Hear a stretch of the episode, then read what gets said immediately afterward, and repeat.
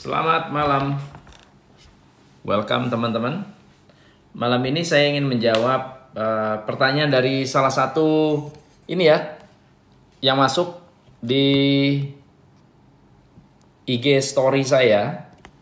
Coach saya sudah melakukan banyak marketing tetapi hasilnya nihil. Apa yang harus dilakukan? Sudah kerja keras, sudah melakukan banyak hal, tapi tidak ada hasil.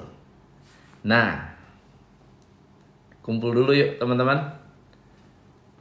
Kita akan bahas tentang 8 8 poin penting yang harus Anda analisa saat Anda melakukan pemasaran. Ada 8 poin yang menurut saya ini nggak bisa dilepas, nggak bisa Anda biarkan. 8 poin ini harus dicoba analisa bareng-bareng. So, sebelumnya cek dulu Anda dari mana dan Anda punya masalah nggak? Punya tantangan nggak? Atau pernah mengalami uh, sebuah kondisi di mana kita sudah kerja keras tapi nggak ada hasil. Artinya kita sudah marketing, udah coba segala cara tapi nggak berhasil. Oke, yuk kita sharing dulu dari mana? Pekanbaru, mantap, mantap. Yaswan, Yellow, hello, Ari, Hebri, thanks for amoxilin. Thanks for joining. Ritonga Ali, Henry, Ruby. Hello, hello Ruby Perfume, Surabaya hadir, Bekasi hadir. Siap, siap, siap. Ayo, yuk, yuk kita Ah, wih, sumut, mantap. Yuk kumpul dulu, kumpul-kumpul. Teman-teman siapin catatan ya, karena nanti saya akan memberikan Anda pointer-pointer penting saat nanti melakukan marketing. Saya sudah marketing habis-habisan, tapi kok nggak ada hasil ya? Uh, marketing dan banyak hal yang ada di dalam bisnis itu bersifat pola. Bersifat pola. Kadang-kadang kalau kita ikuti polanya, hasilnya bagus. Misalnya contohnya ya, kalau Anda membuat copywriting atau gini, kalau Anda bikin iklan, lalu iklan Anda menggunakan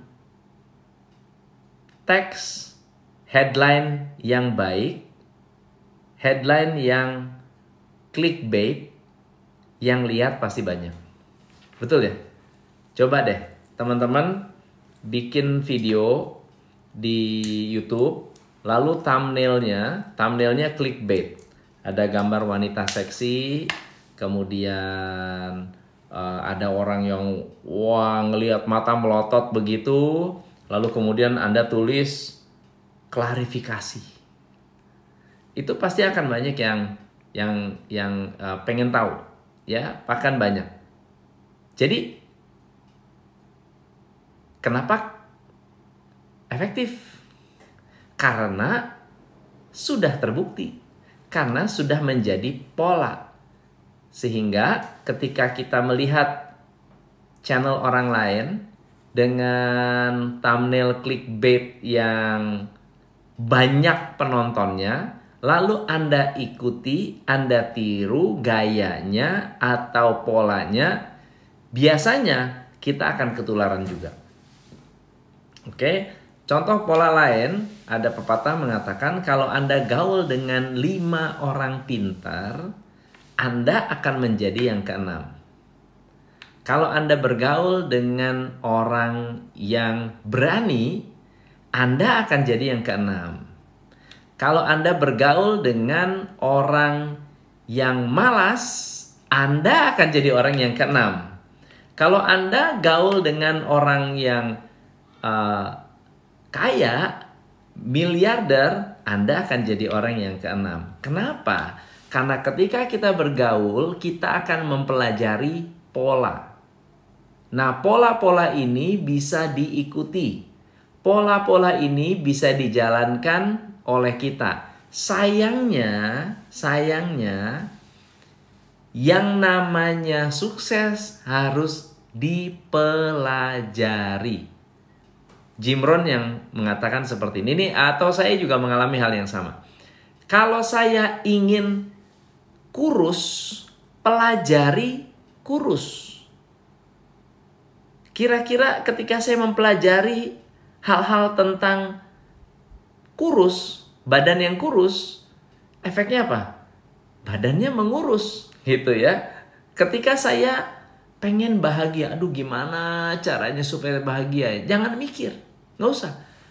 Cari, riset, pelajari, baca buku. Ini buku saya begitu banyak uh, uh, yang bisa kita uh, uh, yang bisa bantu kita untuk mendapatkan sebuah pelajaran dan ketika kita mengerti kita jadi bahagia.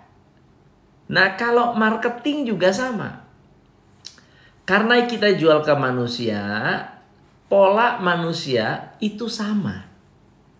Pola manusia sama, ya. Pola marketing yang pertama, siap-siap ya. Pola marketing yang pertama yaitu cocok-cocokan. Ini pola marketing penting ya. Cocok-cocokan. Contoh. Saya pernah jual bakmi. Saya pernah menjual mie ayam. Ya, bukan saya yang jualan, tapi saya yang membuka orang lain yang menjalankan. Nah, pada saat itu yang menjual, yang bikin, uh, menurut saya nggak enak Menurut saya nggak enak. Tapi laku. Kenapa? Karena pola manusia ada istilah cocok cocokan. Ada nggak orang yang suka asin? Ada. Ada nggak orang yang suka manis? Ada. Ada nggak orang yang suka pahit? Ada. Ada nggak orang yang suka pedas? Ada. Sehingga ketika menemukan apa yang diinginkan konsumen, pola cocok-cocokan akan muncul ya pola cocok-cocokan akan muncul paham ya paham ya jadi selera saya belum tentu sama dengan selera orang lain ada orang makan pergi ke satu resto di Korea di Korea ada satu restoran di mana Anda makan gurita hidup gurita hidup itu masih goyang-goyang anda makan. Pertanyaan saya, kalau Anda mau nggak makan? Komen yuk di bawah. Mau nggak makan gurita hidup yang masih uget-uget? Tapi kok laku? Mahal pula. Di Jepang, Anda bisa makan ikan yang kalau kebanyakan Anda bisa keracunan dan mati. Oke? Bisa keracunan dan mati. Ikan itu mahal. Kok bisa mahal laku? Membunuh pula lagi. Kok bisa? Nah, itu karena karena uh, karena cocok. Karena ada pasarnya, ada marketnya. Anda jual mahal, ada yang beli nggak? Ada. Anda jual sangat murah, ada yang beli nggak? Ada. Lalu di mana letak masalahnya? Letak masalah pertama adalah Anda tidak mengidentifikasi persona konsumen Anda. Nggak dibedah tuh. Baca bukunya apa sih? Majalahnya bacanya apa sih? Kalau baca, kalau nonton uh, video atau nonton di Facebook, yang dilihat tuh apa sih? Ya, suka berita kah? Suka hiburan kah? Suka apa? Ya, kalau makanan, makanannya apa? Ini adalah sebuah pola. Oke, ini yang pertama. Nah, yang kedua adalah kita tidak atau malas melakukan riset. Riset itu jangan berpikir ini ya. Saya saya saya kasih gambaran riset yang sangat simple, sangat sederhana. Mama saya bikin bakso tahu. Oke, mama saya bikin bakso tahu. Um, lalu kemudian saya bilang, ma mau nggak digedein? Mama saya bilang, ah nggak usah lah. Menjual sekian aja sudah cukup karena nggak mau ada nggak mau ada komitmen karena banyak urusan ya. Mama saya lebih senang menjahit daripada masak begitu. Lalu kemudian ya udah deh saya jualin deh. Iya nih, uh, boleh deh dicoba. Lalu saya melakukan riset Gimana cara saya lakukan riset? Saya turun ke pasar. Pergi ke pasar, bukan menawarkan, bukan menawarkan, tapi menanyakan. Yang saya tanya adalah, Pak, Bu, kita ke resto ya. Saya tanya nih, kita mau jualannya ke mana nih? Namanya bakso tahu, bisa dijual ke pasar, dititip dalam bungkusan. Oke, itu yang pertama saya masuk konvensional waktu itu belum ada online sama sekali. Uh, yang kedua adalah dititip ke warung makan. Oke, okay? dititip ke warung makan. Saya pernah mencoba untuk uh, datang ke toko-toko yang jual kue. Toko-toko kue, bukan kue-kue ini ya, kue jajanan pasar ya. Jadi bisa ada makanan, ada ada makanan jadi yang dibungkus. Nah ternyata uh, oke, okay, tapi nggak nggak banyak, nggak banyak. Jadi saya mencari di mana tempat yang banyak, yaitu tempat yang rame. Saya cari, oh ternyata di Jalan Merdeka ada yang rame. Saya uh, tawarin, saya tanya. Saya tidak menawarkan, jadi nomor satu saya makan. Setelah saya makan, saya tanya, Pak, di sini orang lebih suka makanan yang kering atau yang basah. Itu riset. Oh, di sini kebanyakan orang suka makan yang basah. Basah tuh kuah ya, Pak ya? Iya. Kuahnya seperti apa? Pernah nggak dengar bakso tahu? Bakso tahu kuah? Nggak pernah dengar. Mau coba nggak? Saya kirimin ke sini. Saya kirimin 10 ya, Pak ya? Saya kirim 10 Bapak jual, saya kasih tahu harganya. Bapak jual nggak boleh dibawa, nggak boleh dengan harga itu. Kalau bapak merasa uh, happy, kalau yang kalau yang beli banyak, bapak boleh order ulang ke saya. Tapi yang 10 saya kasih gratis. Oke, yang 10 saya kasih gratis. Apa kira-kira responsnya? Responsnya luar biasa. Jadi saya titip saya nongkrong. Saya titip, saya nongkrong, saya tongkrongin siapa yang beli. Oh, ternyata yang beli ibu-ibu. Ibu-ibu dan anak-anak. Ibu-ibu yang bawa anak bawa pulang uh, baru pulang sekolah, kemudian makan makan bakso tahu karena tahu pasti nggak pedes. Nah, ternyata oh itu toh. Setelah setengah jalan, saya tanya sama bapaknya yang jaga. Pak, gimana Pak? Laku nggak? Oh lumayan. Ini jarang-jarang nih soalnya makanan seperti ini. Mau order lagi nggak? Boleh deh. Order berapa? Awalnya order 20, lusanya order 50, lusanya order hampir 100. Jadi uh, research itu adalah ketemu langsung dengan konsumen. The best research adalah ketemu langsung dengan konsumen. Oke? Okay? Ada orang jualan pizza. Lalu kemudian tanya saya, coach, saya mau research gimana caranya. Ketemu langsung dengan konsumen, tanya, bapak suka pizza nggak? Suka. Pernah makan pizza nggak? Pernah. Kalau pernah makan pizza, apa yang bapak paling nggak suka dari makan pizza? Wah, porsinya gede. Oh. Terus gimana? Oh, porsinya gede. Terus apalagi? uh, kalau dibawa pulang, kalau dibawa pulang nggak bisa uh, dipanasin, dipanasin jadi keras. Oh gitu ya. Kalau ada produk yang bapak, maksudnya ada produk pizza yang bapak suka yang kayak gimana? Ya kalau bisa dibawa pulang, kalau bisa dimasak di rumah, kalau bisa diangetin dan tetap enak muncullah salah satu pizza yang saya nggak mau kasih namanya yang uh, saya pandu juga waktu itu dan cukup laku. Karena pizzanya bisa dibawa pulang, bisa dipanasin, tetap empuk dan enak. Oke, okay? so research itu adalah yang kedua. Yang ketiga, teman-teman, Anda salah atau tidak mengukur, uh, in, tidak memiliki indek, indikator yang sama dengan indikator konsumen. Saya mau tanya sekarang. Berapa banyak dari Anda yang membeli barang tapi sebetulnya tidak membeli apa yang ditawarkan oleh customer, eh, oleh kompeti, oleh oleh produsennya, oleh produsennya. Saya mau tanya, ini ada botol nih, ini botol. Berapa banyak dari anda yang membeli botol, tapi tidak digunakan sebagaimana mestinya? Ini botol untuk apa sih? Untuk minum. Tapi ada juga dipakai untuk yang lain, ada kan? Ada ya.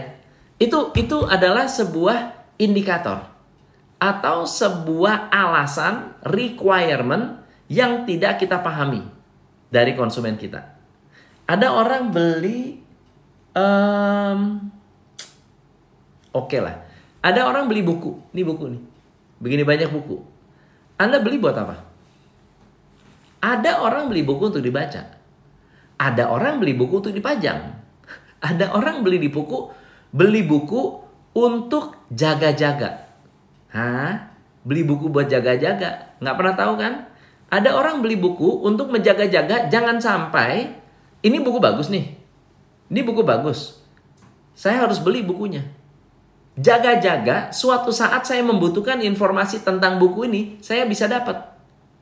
Pertanyaan saya, berapa banyak dari Anda yang tahu alasan kenapa customer membeli produk Anda? Saya makan uh, ada salah satu makanan khas, nggak bukan khas juga sih sebetulnya, tapi ada makanan yang saya suka, lalu kemudian saya sering belanja, saya sering beli. Oke, pertanyaannya, kalau saya tanya, kalau kalau ada orang tanya saya, atau saya tanya ya, kenapa gue beli makanan ini? Pasti ada yang bilang, oh karena enak. Ada yang bilang karena uh, khas. Oh, ada yang bilang karena apa namanya? Uh, uh, uh, karena pedes gitu ya. Saya bilang bukan. Karena setiap kali saya makan ini, saya ingat mama saya. Nostalgia ada emosinya, ada memorinya. Berapa banyak dari kita yang paham requirement customer tadi, teman-teman? Berapa banyak yang paham? Kalau Anda paham, Anda mengerti, Anda bisa menjadikan itu sebuah alasan emosional. Kenapa Anda minum Coca-Cola? Oh, ada yang bilang karena oh kalau gua haus minum Coca-Cola. Ada yang bilang, oh kalau saya karena saya ingat waktu saya susahnya dulu, minum Coca-Cola adalah sesuatu yang mahal. Jadi kalau saya minum Coca-Cola, itu mengingatkan saya bahwa saya sekarang sudah hebat. Betul ya? Itu luar biasa. Oke, itu yang ketiga. Yang keempat, teman-teman, salah karena Anda tidak mengerti requirement customer, akhirnya Anda menyampaikan pesan yang salah. Ada orang bilang gini, "Wah, kalau uh, makan di misalnya kalau kalau ini kalau anda dengar saya di Top Coach Indonesia uh, kalau ada Top Coach Indonesia wah kita enak ya. Tom itu sangat simple dan praktis. Apa yang terjadi kalau saya menonjolkan bahwa I am the best I am bla bla bla I am bla bla bla mungkin nggak nyambung Kenapa saya menciptakan sebuah tagline simple is better? Simple is better itu karena ketika saya selesai menyelesaikan workshop, selesai workshop, saya minta feedback. Betul ya? Dan ketika saya minta feedback, saya tanya apa sih satu kata yang membuat kamu tertarik dengan workshop ini? Itu yang pertama. Oh, saya penasaran. Ada yang bilang begitu. Ada yang bilang, oh karena saya sudah kenal Coach Tom. Oke? Okay? Setelah selesai workshop, saya minta, saya tanya, apa satu kata yang Anda yang bisa kamu sampaikan tentang workshop ini? Simple, praktis, mudah, enak, nyaman. Oh, ternyata itu adalah sekelompok informasi tentang pesan yang saya yang saya sampaikan tanpa saya sadari. Gitu ya. Pesan yang saya sampaikan. Apa yang tadi kalau saya bilang harga termurah. Ya, kualitas terbaik. Mungkin nggak nyambung dengan apa yang diinginkan oleh customer. Tapi kalau Anda belajar hal yang simple langsung bisa dipraktekkan, Anda mau nggak datang ke workshop saya? Mau nggak datang ke seminar saya? Mau nggak untuk menjalankan uh, uh, tugas-tugas yang saya berikan karena simple dan karena praktis. Nah, itu yang keempat. Yang keempat adalah Anda harus menyampaikan pesan atau positioning yang tepat. Yang kelima adalah Anda tidak punya konten. Nggak punya konten, semuanya serba jualan. Jualan lagi, jualan lagi, jualan lagi. Nggak ada konten. Nggak ada edukasi nggak ada komunikasi, nggak ada engagement, itu jadi uh, kendala serius. Kemudian yang keenam adalah terlalu sering berubah strategi marketing. Strategi marketing banyak banyak berubah. Tahu nggak? Saya mau kasih anda ilmu ya, ilmu marketing. Yang mau ilmu marketing saya yes. Halo halo, saya yes. Mau nggak saya kasih ilmu marketing? Say yes. Ayo. Ah. Oh nggak? Yang mau ilmu marketing saya yes. Alright. Oke. Okay. Ilmunya hanya tiga. Ilmunya tiga. Marketing adalah EMC kuadrat. EMC kuadrat. EMC kuadrat itu apa? Message yang dikomunikasikan secara konsisten. Message yang dikomunikasikan secara konsisten. Cuma tiga.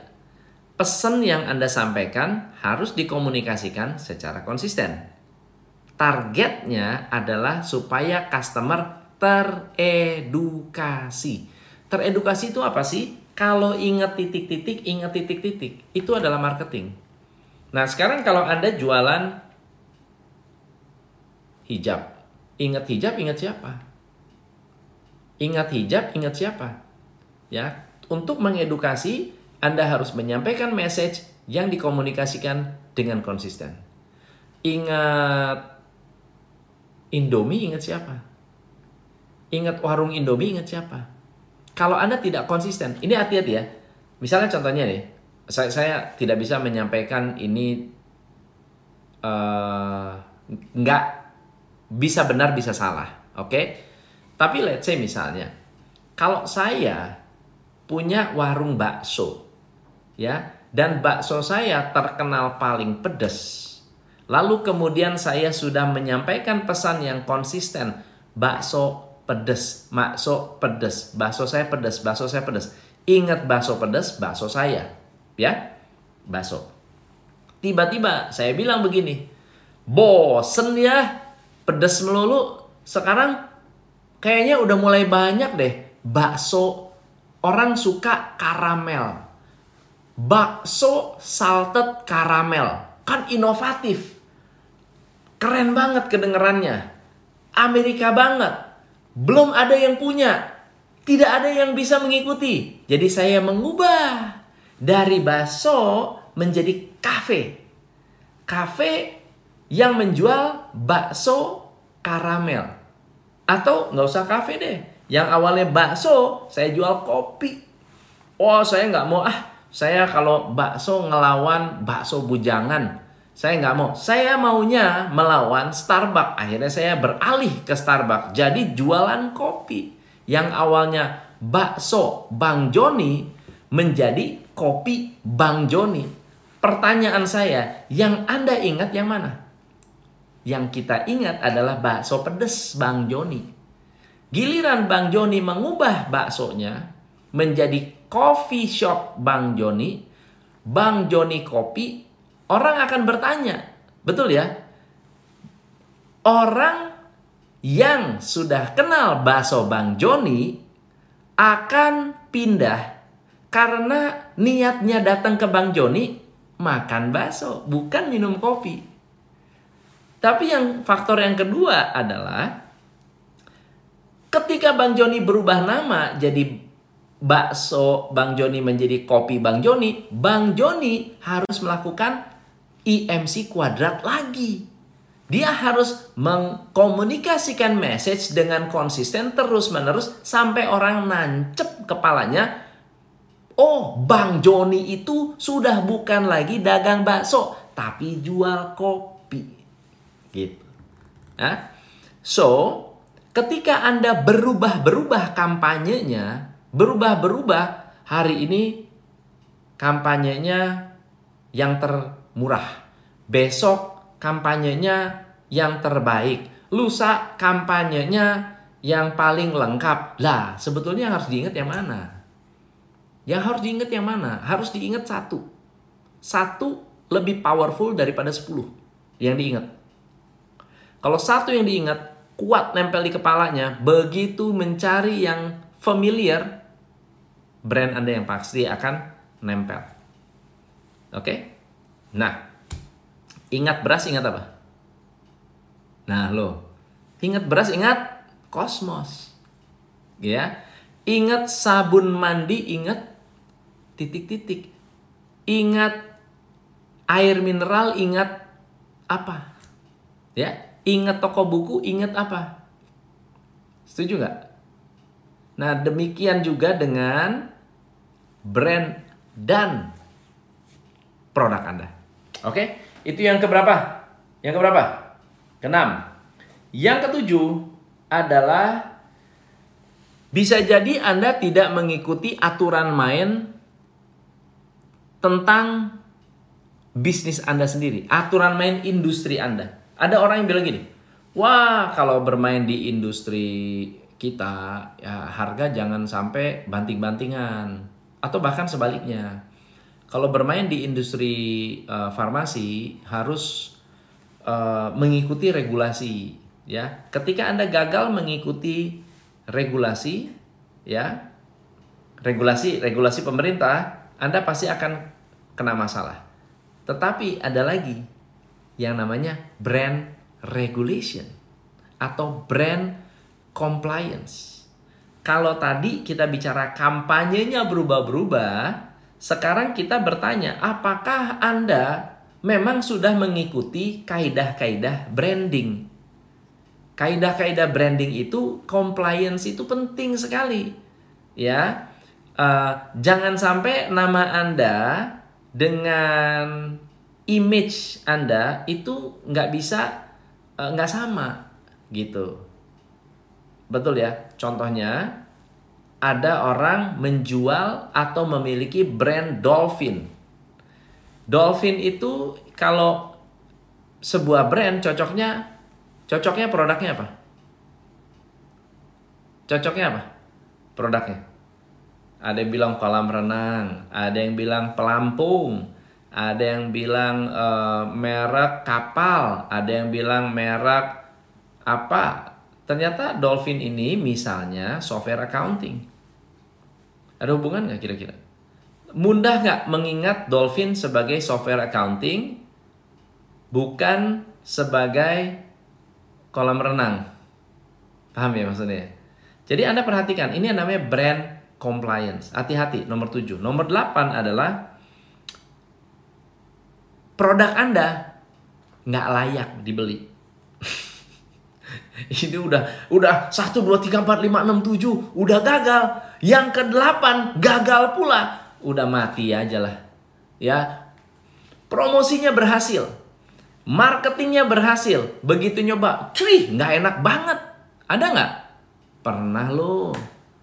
Pernah saya ditawarin ada teri uh, apa uh, teri bukan teri Medan teri teri ini loh teri pedes. Teri pedes paling enak di dunia. Beli beli. Enak wah enak banget. Pas dirasain. Waduh asinnya luar biasa. Asin luar biasa manisnya luar biasa. Anda biasa bayangin. Manis banget dan asin banget. Susah itu. Itu susah tuh dimakannya susah. Jadi gimana mau makannya? Gitu. Mau beli lagi juga nggak bisa nggak berani saya. Nggak berani. Ya bisa darah tinggi bisa jadi produknya tidak layak dibeli. Produknya nggak layak untuk dimakan. Nah teman-teman. Siapa yang belajar sesuatu hari ini? Ada yang belajar sesuatu hari ini ada yang belajar sesuatu? Dari 8 indikator tentang marketing. Indikator marketing? Ya nanti saya share di YouTube. Nanti saya share di YouTube. So teman-teman saya ingin mengumumkan satu hal. Anda buka www.sistembisnis.com ya. Sistem S I S T E M business.com. Jadi uh, sistembisnis.com ini adalah satu ini masih ini ya, masih um, sistembisnis.com basically adalah uh, website yang mengumpulkan data teman-teman yang pengen belajar sistemasi ya. Yang ingin belajar sistemasi. Dan saya ya saya tahu banget bahwa yang ingin membantu ingin saya bantu itu banyak ya. Ingin saya bantu banyak. Tapi sayangnya teman-teman saya nggak bisa dadak-dadakan. Kalau saya mau bantu mendingan saya membantunya uh, lebih all out. Gimana cara all outnya? Jadi saya membuat salah satu, uh, saya, saya membuat sebuah proses di mana edukasi itu menjadi continuous, ya. Saya membuat uh, sistembisnis.com, nanti Anda bisa masuk, Anda bisa belajar bagaimana cara mensistemasi. Tapi tidak sekaligus karena saya tahu banget, saya juga bikin ini kan. Saya kan bikin uh, tommcifle.com. Anda bisa buka tommcifle.com. Banyak sekali pembelajaran tentang bisnis. Dan saya perhatikan kalau orang belajar itu nggak bisa banyak banget yang nggak bisa penuh, ya. Dan saya sadari itu. Nah sekarang gimana caranya saya bisa membantu teman-teman dengan membangun habit membangun kebiasaan. Salah satu kebiasaannya adalah kebiasaan membuka email yang saya kirimkan khusus untuk Anda. Dan saya akan menambahkan, misalnya contohnya, kalau saya kirim uh, nanti akan bertahap ya, nanti akan bertahap. Uh, awal-awalnya Anda akan dibukakan pikiran tentang apa itu sistem, lalu saya akan berikan e-book tentang sistemasi. Anda akan saya bukakan tentang contoh-contoh sistem, Lalu saya berikan e-book tentang marketing. Uh, saya akan memberikan Anda nanti cara membuat sebuah sistem. Lalu kemudian saya akan berikan Anda uh, template-templatenya. Tapi itu semua sifatnya um, apa namanya bertahap ya. Sifatnya bertahap dan uh, ini akan membantu Anda membangun fondasi yang kuat dalam sistemasi supaya tidak salah, supaya nggak terlalu uh, nggak apa ya. Banyak orang membuat sistemasi itu terlalu terburu-buru, tidak ikut aturan, akhirnya nggak dipakai. Sayang kan, buang waktu, buang tenaga, buang biaya begitu. Oke? Okay? Ide bisnisnya kakak soalnya aku mau belum tahu apa-apa oke okay, oke okay, oke okay. sistembisnis.com ya s i s t e m business.com nah Jadi ini untuk yang mau belajar sistemasi. Lalu uh, nanti Anda tinggal masukin nama, email, lalu secara berkala saya akan kirim uh, apa semacam pengingat ya dan video. Jadi videonya nanti akan muncul video plus handoutnya ya video handout semua masih dalam uh, dalam jangkauan Anda belajarnya. Semua dalam jangkauan Anda.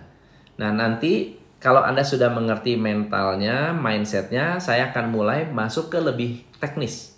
Hal-hal yang lebih teknis. Misalnya contohnya, kalau saya mau memulai atau kalau saya mau mensistemasi, kira-kira list apa saja sih yang harus saya sistemasi? Itu nanti pelan-pelan kita berikan. Pelan-pelan saya sharing.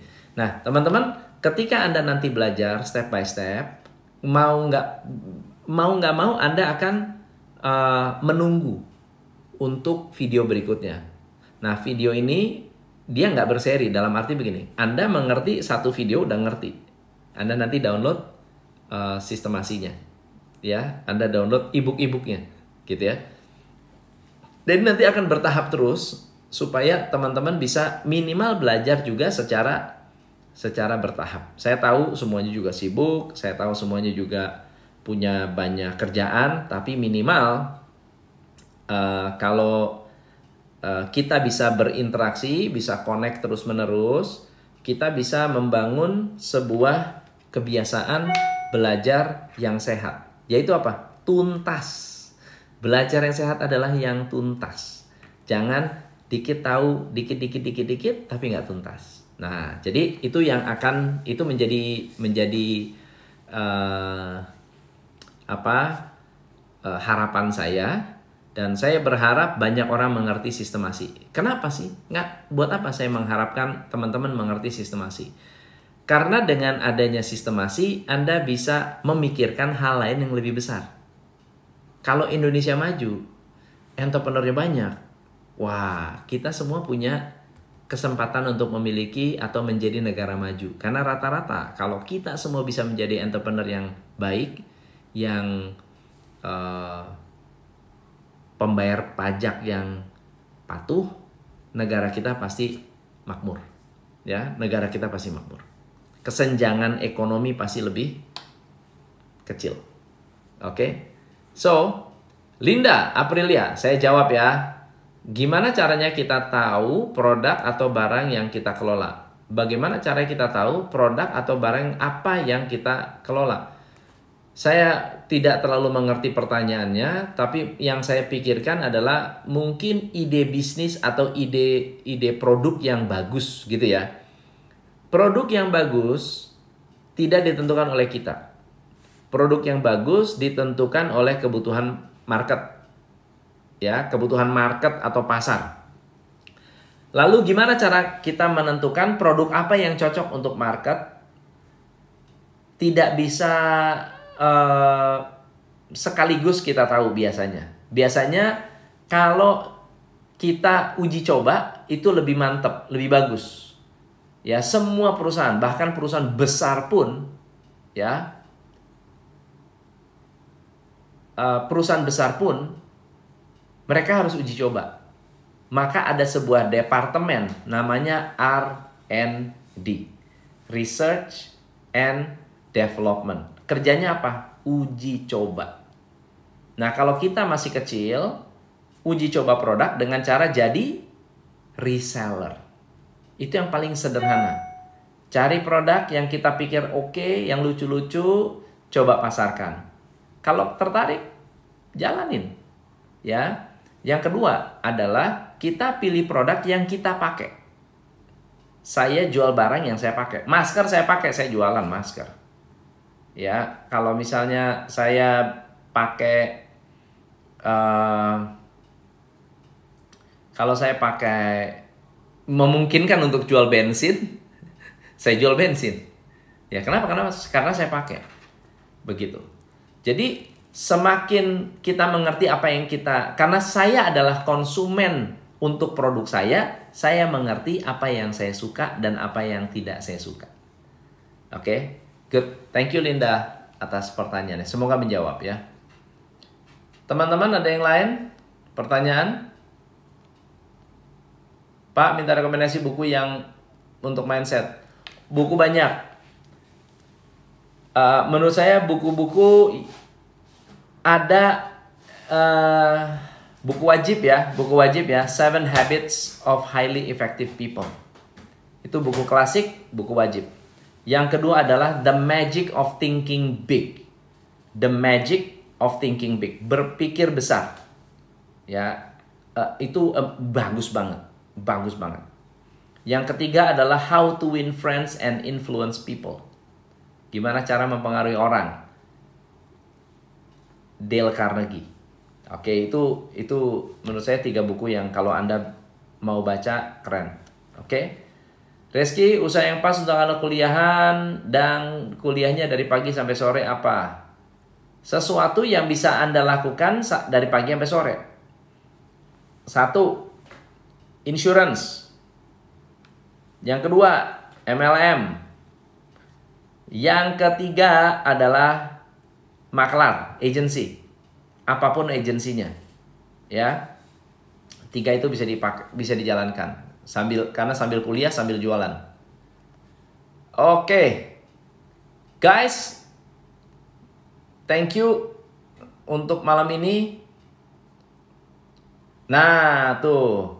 Saya sudah melakukan marketing tapi omset tak kunjung naik. Kenapa ya?